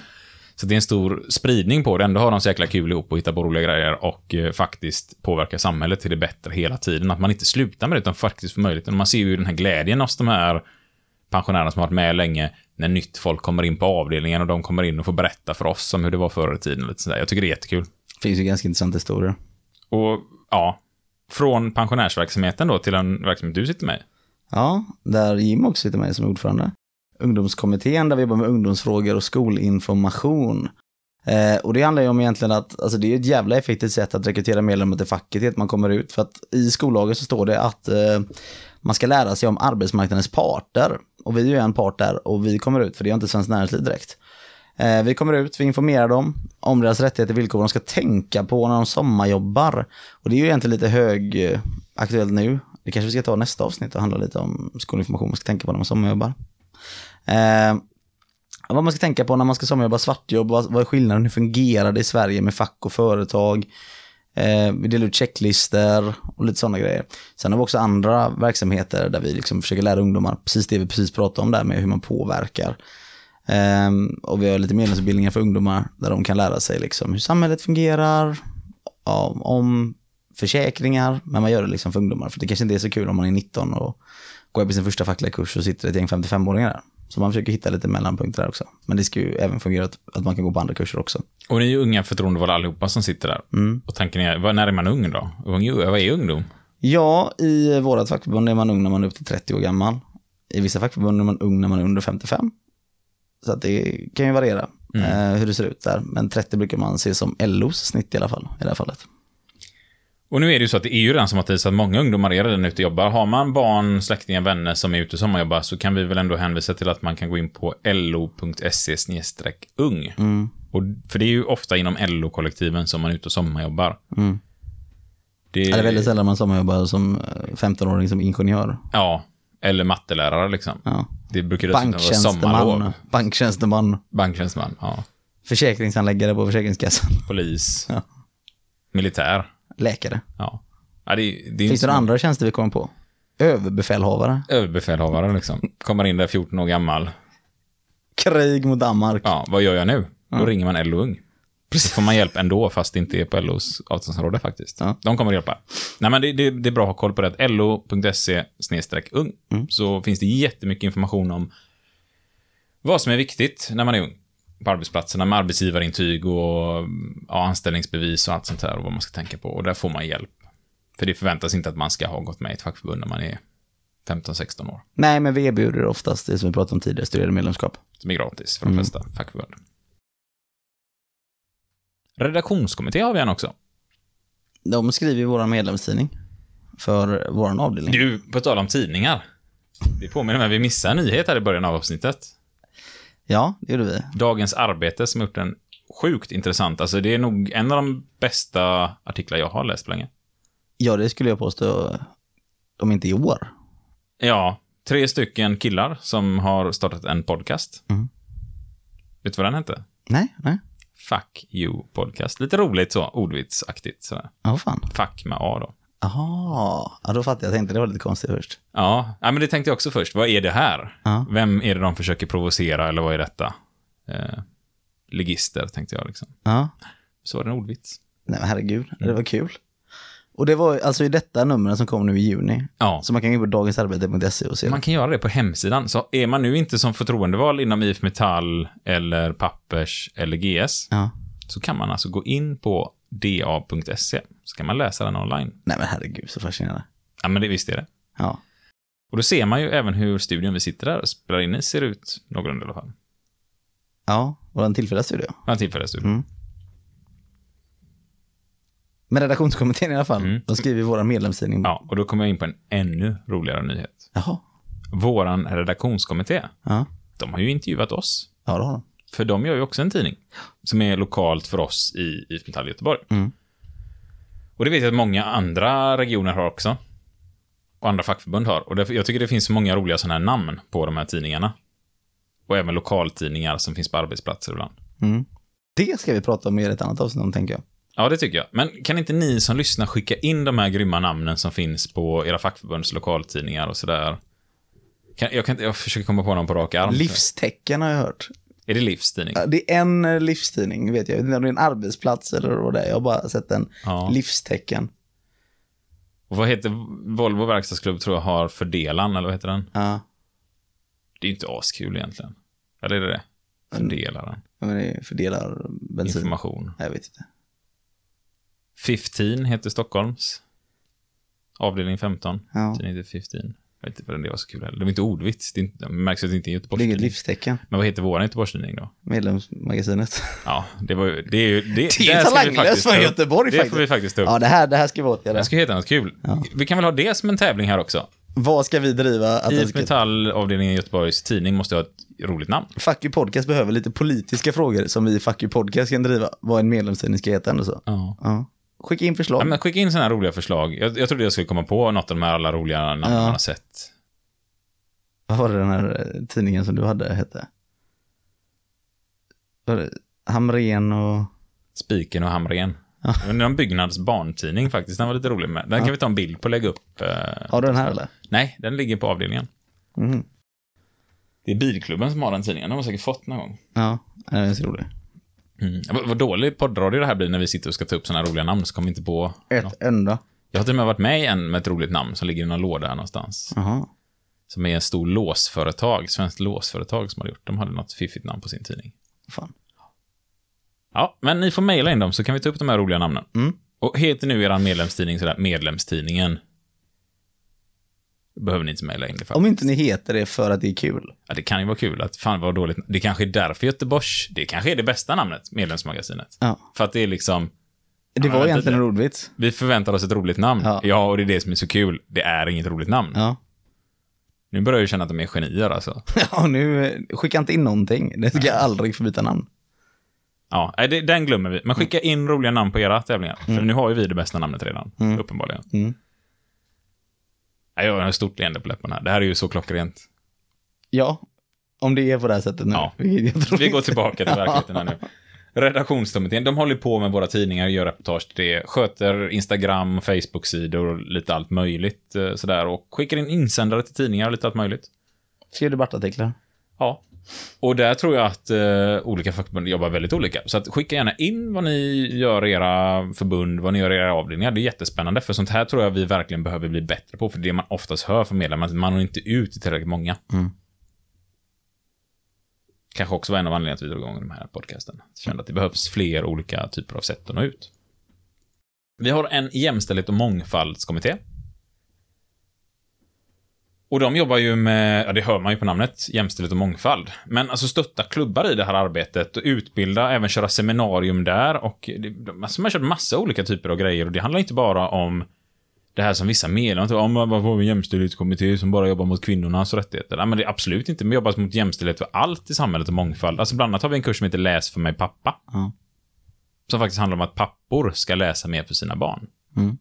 Så man tittar ju faktiskt på allt i hela samhället och försöker göra samhället jämställt så att alla ska ha samma möjligheter. Men även att utbilda de här klubbarna som de pratar om i, för att alla företag ska ha en jämställd mångfaldsplan. Att man utbildar hur man utformar en sån exempelvis. Men man deltar också på 8 maj, exempelvis, där det finns demonstrationer för att egentligen och symbolisera. 8 maj, vad är det för dag? Ja, det är ju internationella kvinnodagen. Ja, jag tror det var 8 mars. Det är det ju. Ja, okej. Ja, men bara så vi... ja. Ja. ja, 8 mars deltar man på. Eh, och eh, på Pride exempelvis. Att man är med och visar upp sitt deltagande. Att vi från facket tror på alla människors lika värde. Så även på jobbet. Absolut. Och hjälper till här alltså med idéer och tankar i lönekartläggningarna som vi ska göra. För det ska man ju sitta med i Sverige och faktiskt titta på hur är löneskillnaderna på företagen man jobbar. Mm. Och jag läste på Instagram häromdagen eh, något fackförbund som hade gjort en stor lönekartläggning på sin arbetsgivare och började prata om att nu börjar vi närma oss jämställda löner, vad fantastiskt. Och det var fortfarande så jävla långt kvar. Och det är en här grej man känner att, gå bara in och ordna upp skiten nu liksom. Mm. Det finns inga skäl till att det ska vara skillnad. Alltså, sen kan det vara lönesystem som gör att olika individer tjänar olika med pengar, men lika lön för lika arbete, för helvete säger jag. Ja, men det handlar också om hur man prioriterar när man ska utvecklas. Och vilka Det som får möjligheter ja, men och precis. sådär. Ja. Ehm, så allt sånt här hjälper de till med. Ehm, de tittar även så att vi har ju kongressmål satta för jämställdhet och mångfald och handlingslinjer i vårt förbund. Och det tittar de på. Sköter vi det? Är vi på rätt väg och sådär? Och hjälper till att assistera i det arbetet. Internationella kommittén då? Mm. Det är efter att ha lyssnat på de här nyheterna som vi tog upp i början av det här avsnittet så förstår man ju verkligen eh, syftet med att vi måste jobba internationellt också. Ja, men alltså i alla fall i vårt fackförbund så har vi ju ganska många stora koncerner som är internationella. Exempelvis jag jobbar i ett internationellt bolag Mm. Ja, det finns över många delar av världen. ja, och Jim jobbar också på ett internationellt bolag. Du jobbar på ett internationellt bolag. Även vi har expanderat stort i Europa i år. Ja. Eller i år, de senaste åren. Och det handlar om att hjälpa företagen att sätta upp eh, European Working Council, alltså ett EWC, alltså ett, ett, ett fackligt företagsråd. Ska finnas kanske för Europa eller för världen där man försöker liksom samverka och att det, det ska finnas att man ska uppnå vissa ja, gemensamma mål, att man ska ha pensioner, semester. Sen kan de särskilja sig för man har olika avtal i världen, men att det ska finnas och det ska inte stå liksom och stampa på att ja, men vi har semester i vårt eh, land liksom, där vi bor och det har man inte de andra länderna och därför lägger man mer produktion där. och stärka samarbetet mellan fackliga organisationerna. För att man, precis som man gjorde här, man använde oss arbetare mot varandra, så gör man det likadant med man använder länder mot varandra. Det vet jag ju att jag har hört att eh, du pratade om för ett par avsnitt här. Att det är så viktigt att ha koll på ekonomin, för annars kanske de sitter och hävdar att ja, men fabriken i Tjeckien går dåligt, därför kan vi inte höja lönerna i Sverige. Och så säger de likadant i Tjeckien. Fabriken i Polen går dåligt, därför kan vi inte höja lönerna i Tjeckien. Och i Polen säger de fabriken i Sverige går dåligt. Och så går det bara runt och runt. Och så tror vi överallt att ja, men då ska vi inte höja våra löner. Ja. Så det är enormt viktigt. Och ja, stora internationella företag, de lever ju konkurrensutsatta över hela världen också. Precis. Där är ju jag lite skyddad i min yrkestitel. En läkare är väl väldigt skyddad också. Man transporterar ju kanske inte vem som helst tvärs över jorden för att göra en mindre operation. Nej, exakt. Men vi har yrken som ofta inom industrin som är extremt eh, men även att utbilda fackförbund, alltså det gör de ganska mycket också. Vår avdelning har haft ett eget projekt i Serbien exempelvis. Ett kvinnoprojekt där man försöker få uppmana kvinnliga förtroendevalda. Ja, och vi har haft andra projekt i Serbien också, facklig utbildning och lite sånt här som jag har varit och pratat för. Så att det, vi, vi gör massa grejer över hela världen och det är allt ifrån Filippinerna, Thailand har vi varit i sista tiden, Serbien. Jag berättade ju om ett samarbete med Sydafrika, eller södra Afrika, får jag rätta mig själv igen här. Så det är ju runt omkring i världen. men det här gör vi alltså på avdelningsnivå då liksom. Och det, det är ju inget fel att man har det på andra fackförbund tycker jag. Tycker jag är ganska bra grej att man jobbar med de här sakerna. Ja, mycket av de här projekten sker ju i samarbete med andra fackförbund Mm. också, runt omkring. Vi har en bemanningskommitté. Och det tror jag inte så många fackförbund har. Nej, det är nog lite unika ändå så. För att bemanning är ju inte så stora inom alla branscher. Sen så kanske man kan säga så här att Sveriges ingenjörer, de tror jag arbetar jättemycket med det här med konsultverksamhet och stöd och sådär. Ehm, och vi kallar ju detta bemanning eftersom bemanningsavtalet är det våra medlemmar jobbar under. Och har ju inte riktigt de här kontrakten som man kanske har som konsult på ett, eh, om man är ingenjör och liknande, utan det brukar vara lite skillnad för de som är under arbetarkollektiven. Mm. Så där har vi satt ihop en bemanningskommitté som ska vara mentorer för förtroendevalda som vill engagera sig ute på ett bemanningsföretag. För du har ju inte riktigt den anställningstryggheten på samma sätt i ett bemanningsföretag. För har, är man uthyrd och jag är uthyrd till Sebastians företag och så vill jag engagera mig fackligt där och behöver ta ledigt från det jobbet, då finns det en chans att Sebastians företag säger att "Ja, men vi vill inte ha hit Isak längre. Ja. Ni kan skicka hit någon annan Isak. Jättekul att Isak vill vara engagerad. Men eh, det kan vi inte ha för vi behöver ha den här 100%. Ja, och då åker jag tillbaka till mitt bemanningsföretag och så säger de att ja, men vi hyr bara ut personal till Sebastians företag, så att eh, tyvärr har vi ingen plats för dig. Det blir en arbetsbrist. Mm. Så det här är ju ett sätt att organisera bemanningsanställda på ett annat sätt. Man ringer dem kanske mer för att det är lite svårt att veta vad de är för dagen. Så vi ringer, eller vi, de ringer bemanningsanställda, eh, frågar vart de jobbar för att också kartlägga vilka företag är inne i bemanning och efterlevs löner och villkor där. Och bevaka de här GFL-erna som det kallas i bemanningsavtalet, som är egentligen världens enda avtal för bemanningsanställda. Mm. Eller världens enda kollektivavtal. Och GFL står för genomsnittligt förtjänstläge. Ja. Och det betyder att när jag är uthyrd ska jag ha snittlönen i den grupp jag är arbetar för. Och det här kommer vi gå igenom när vi kör ett bemanningsavsnitt med Caroline. Mm. Men det här bevakar de och att framförallt medlemmarna har koll på hur man räknar ut sin GFL själv, så man inte bara litar på att någon annan har gjort det och så tror man att allt är frid och fröjd och så tycker man att det var i alla fall bättre än vi hade på det andra stället jag var på där det var ännu sämre. Och så har man gått miste om flera tusen i månaden. Ja. För det är väldigt många företag man kommer ut på mindre företag där de från bemanningsföretagen tjänar sämre än vanliga personalen. Och då är det lönedumpning. Det ska vi inte ha. Nej. Bemanningskommittén sysslar också med arbetsplatsbesök, alltså besöker folk som jobbar här och pratar och värvar och lär ut till bemanningsanställda vad facket är och vad man gör för de bemanningsanställda. Och hur de kan börja engagera sig själva för att faktiskt göra ännu mer. Mm.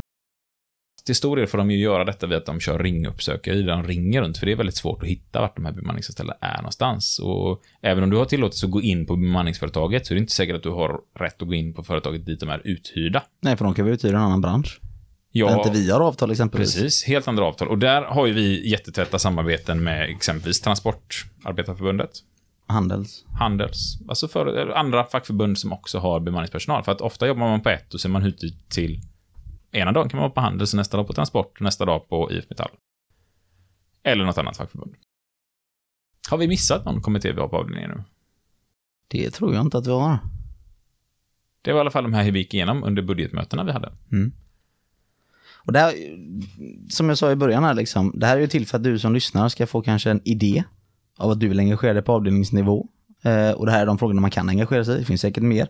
Har ni andra eh, grejer som ni jobbar med på er, era fackförbund som inte vi gör, så får ni gärna höra av er så, så, så läser vi gärna upp de grejerna här. För det, jag tycker det är bra att vi får den här spridningen sinsemellan så att vi ska jobba med gemensamma saker. För jag vill inte så kan ju tycka att det ska finnas någon likhet mellan olika fackförbund. Nu menar inte jag liksom att shamea om man inte har de resurserna i sitt fackförbund att kunna göra sådana här saker, men jag ser ändå så att vi ska jobba på samma sätt ändå så för att jag ska veta som medlem att ja, nu byter jag till eh, IF Metall och funkar det på det här sättet. Sen byter man till Handels och då ska det vara exakt samma sätt som funkar på något sätt där så att man ska inte behöva lära om, ja men det funkar så här hos oss och så här funkar det hos dem. Det ska inte vara för stora skillnader. Absolut. Så hörde ni någonting ni, ni tyckte så här, men fan, det där låter ju kul. Internationell verksamhet, eller JämO, eller vad det nu kan ha varit. Det, det där låter så spännande. Ta kontakt med det fackförbundet ni är med i. Bara tala om, hej, mitt namn är vad det nu är. Säger ni ert eget. Ljug inte där, för det blir jättekonstigt. Ja. Eller här, fyll, i namn som jag... Fyll i namn, så bara, utan ni säger ert vanliga namn, givetvis.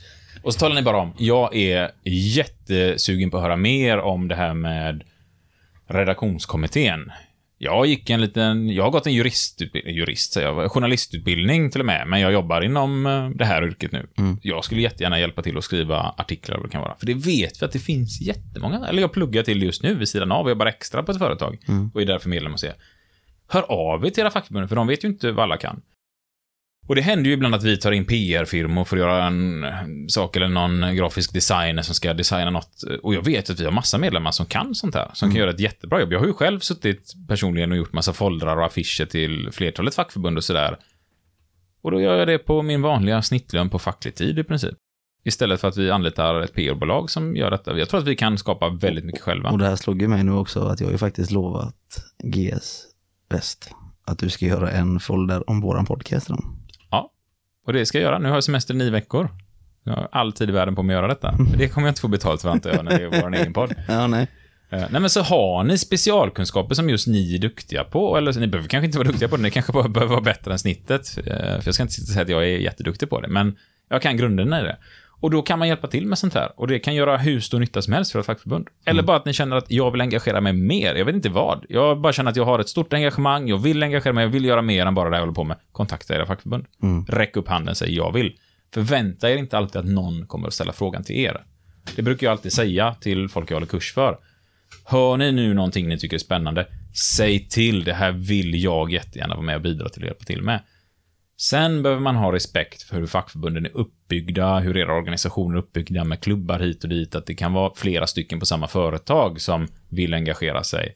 Och då kanske inte alla kan åka iväg och göra allt hela tiden, utan man får ju givetvis ha en diskussion på sin arbetsplats, som är sin avdelning och sitt förbund, vad som är skäligt och sådär.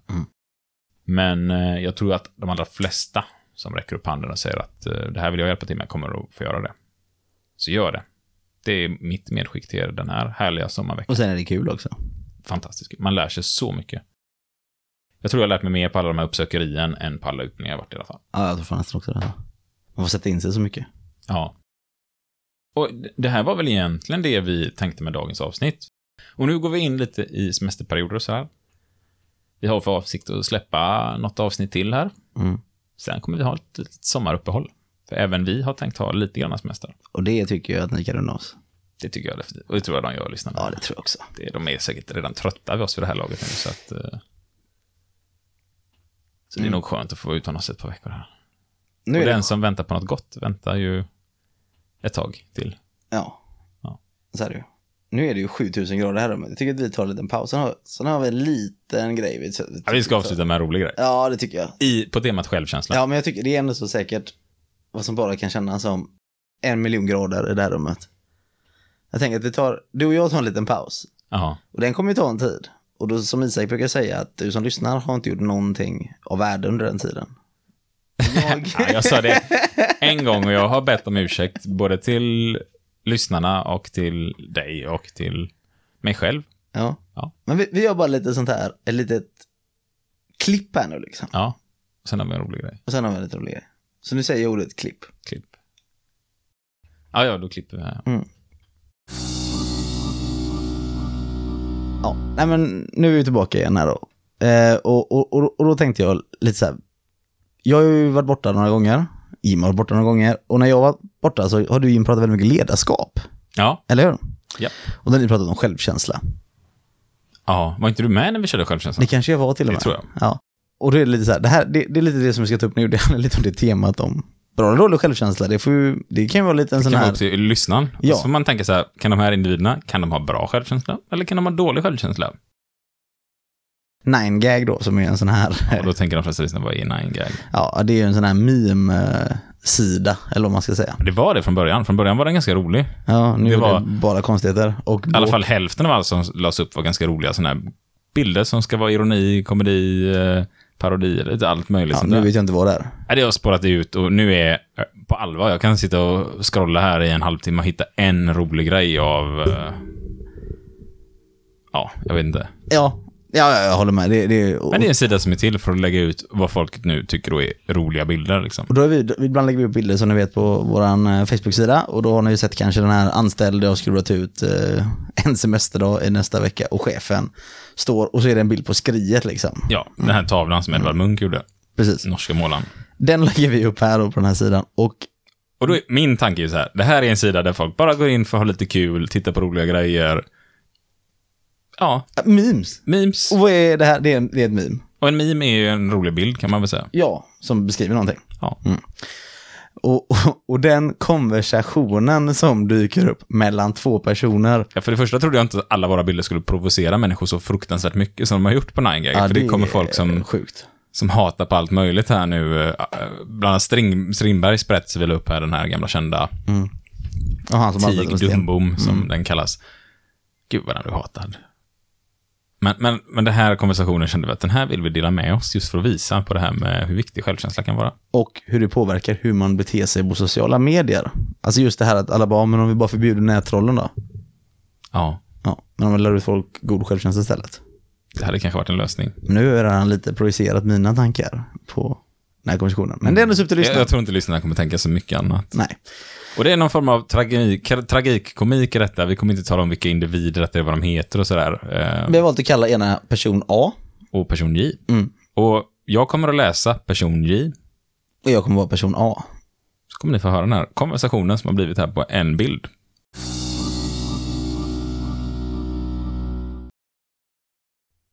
Vad fan är det för kneg du har då? Blir ingenjör eller något fett chill. Alla chefer bara chill och sånt, vet du. Man ska göra vad fan man vill.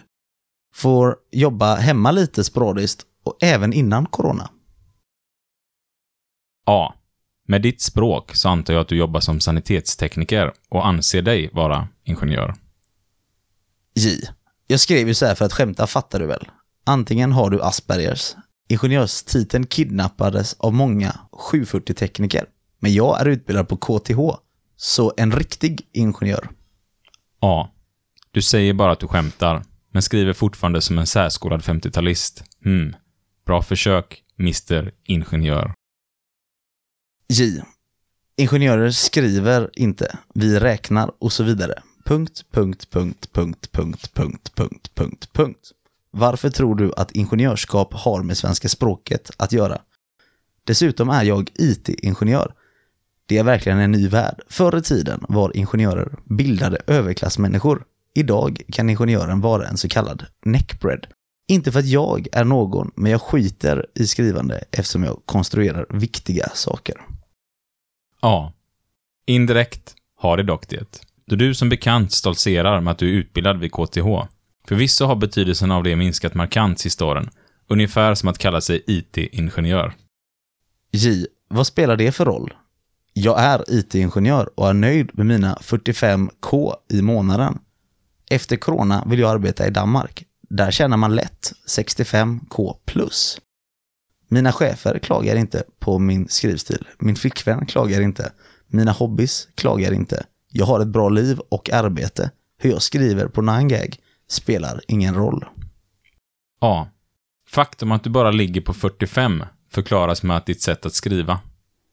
En annan ligger ju redan på 52, innan årsbonusar och så vidare, utan att vara IT-ingenjör, men ändå jobba inom IT. Men är du nöjd så är det kul för dig. J. Haha, är det den Bilzerian jag pratar med? Min far fick ut det dubbla du kommer tjäna under hela din livstid på en dag när han sålde sina andelar i ett företag. Tre miljoner fördes över till mitt aktiebolag där jag kan plocka ut lite då och då före 20% skatt. Smileygubbe.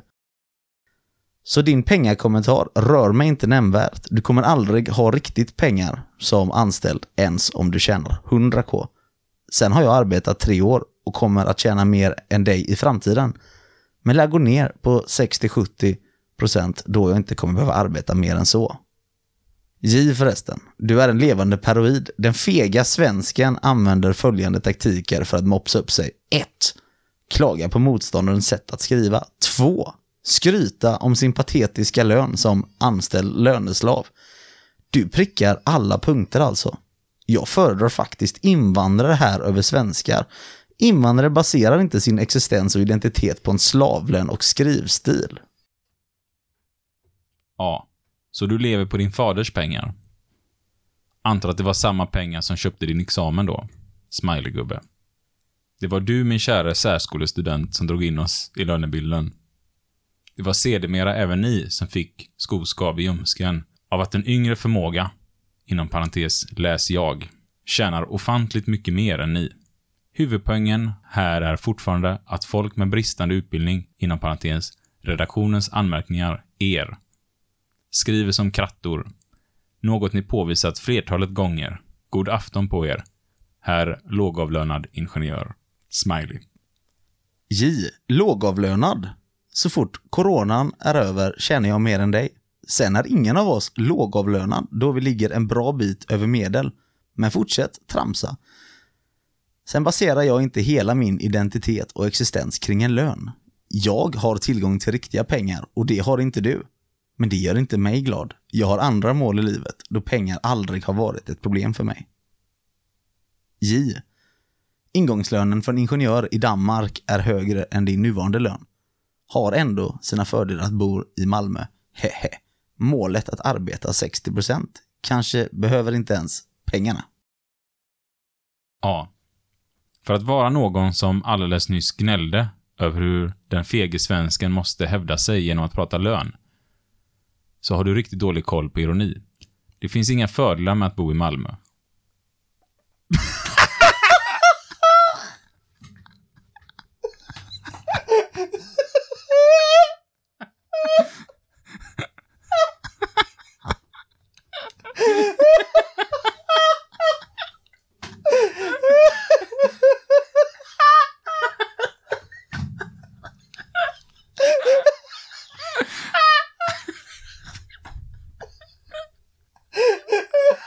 Ja, vi samlas.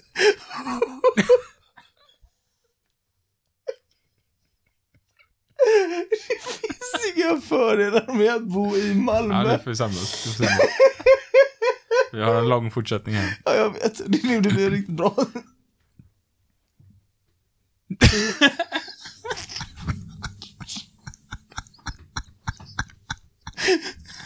Åh, hela Malmö får en känga.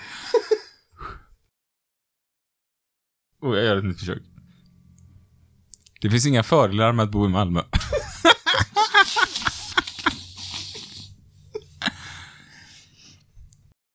Det finns inga fördelar med att bo i Malmö.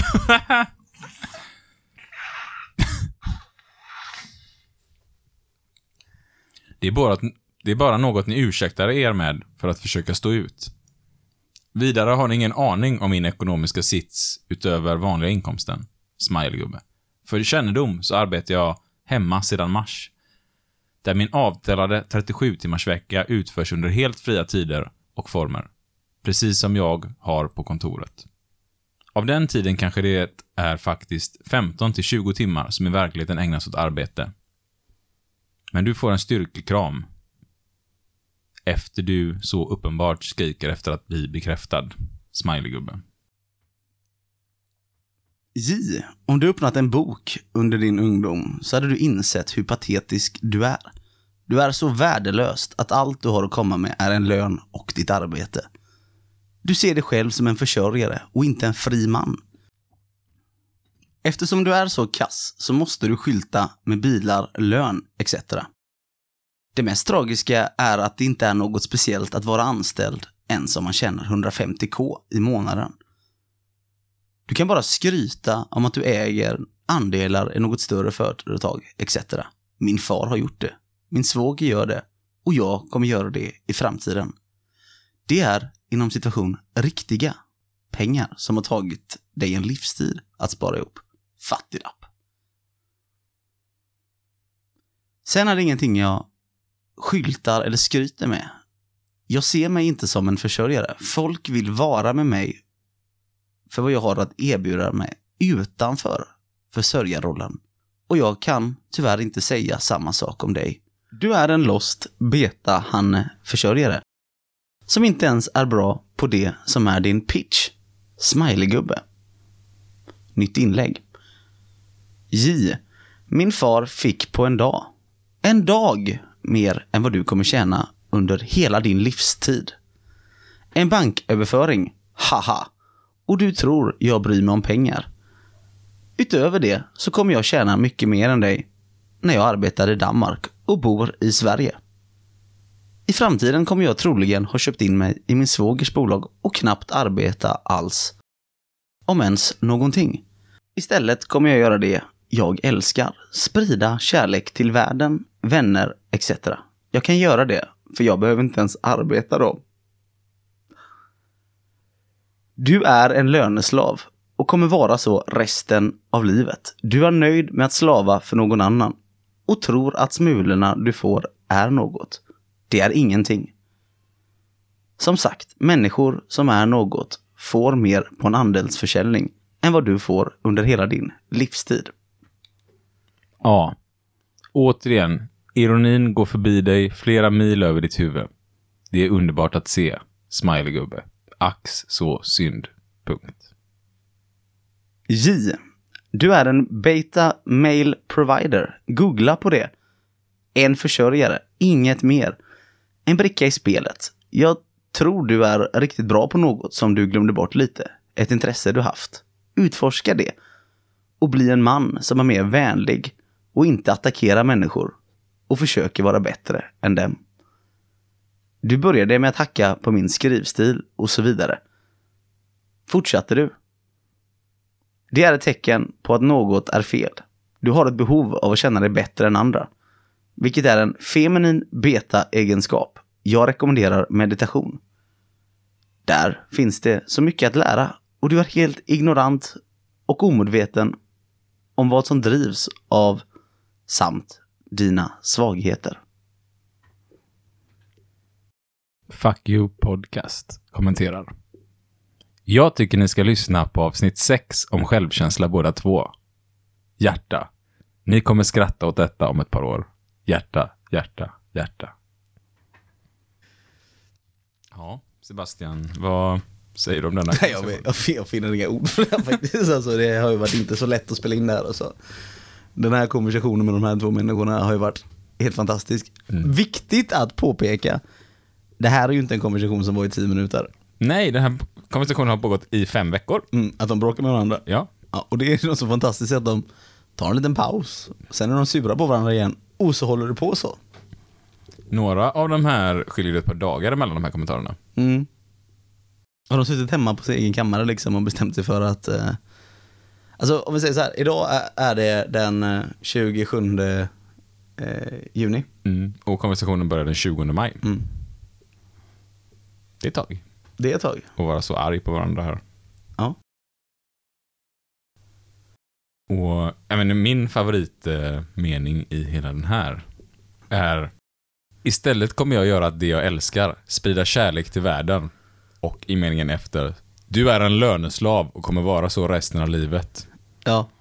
Han har också börjat med att säga att han är värdelös den här killen. Eh, till tillbaka. Väldigt intressant eh, grej och det är det här som är vi pratar om med vikten av att ha en bra självkänsla. Många av sådana här bråk, alltså det känns inte som att de har någonsin visat någon ståndpunkt utan de bara attackerar varandra för att attackera varandra. Ja. Och det är synd. Och så, alltså, det här känner man igen från Facebook överallt. Politiska debatter, går in på fackförbundens hemsida och så ser ni hur folk bara kommenterar skit bara för att liksom jävlas. Och det är jättetråkigt tycker jag. Istället för att försöka utveckla och göra världen bättre. Och det är ju tragiskt att det blir en diskussion så här. Så nu, ni kommer höra efterklippen att vi bröt ihop två, tre gånger. Speciellt den här kommentaren att det finns inga fördelar att bo i Malmö. Jag tycker det är... Ja, vi, Ni som bor i Malmö kan väl mejla in till podden, fördelarna med att bo i Malmö, så ska ni få lyfta upp dem i ett avsnitt längre fram. mm, absolut. Sen verkar det också vara... Men får vi inga dålig så feb- finns det inga fördelar. Nej, då finns det inga Då fördelar. finns det inga fördelar. Sen verkar det vara en dålig egenskap här också, att ha feminina egenskaper, eller vad? Ja, Feminina beta-egenskaper här. ja precis.